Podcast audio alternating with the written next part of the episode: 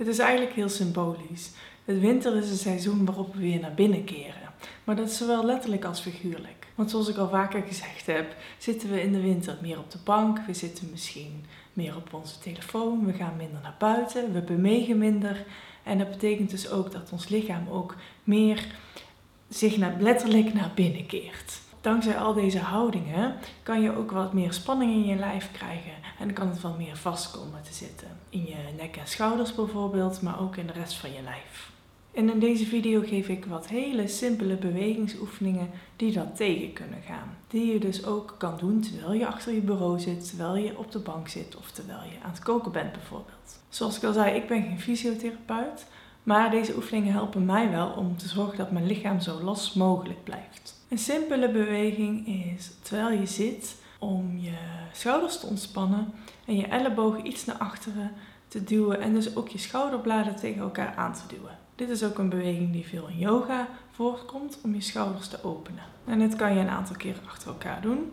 Doe het niet te geforceerd, maar zet wel een beetje druk. Want het is wel normaal om uh, dat te voelen, vooral als je veel voorovergebogen zit. Wat ook helpt is juichen. Met je armen de lucht in. En dat is misschien een beetje gek om dat uit het niks te doen. Misschien zou je ook energieke en blije muziek op kunnen zetten, waardoor je die beweging als vanzelf gaat maken.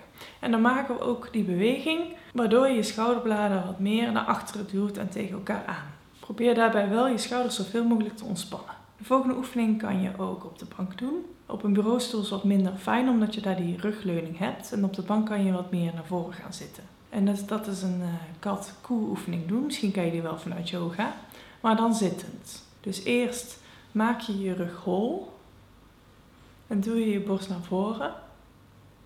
En daarna maak je je rug helemaal vol, bol. En dan uh, laat je je schouders en je hoofd wat meer hangen. En deze beweging kan je ook een aantal keer afwisselen.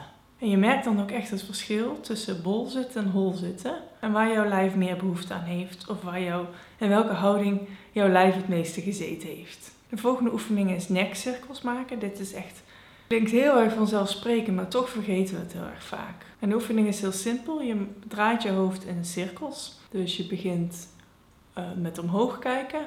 Dan via links naar beneden. En dan via rechts weer omhoog.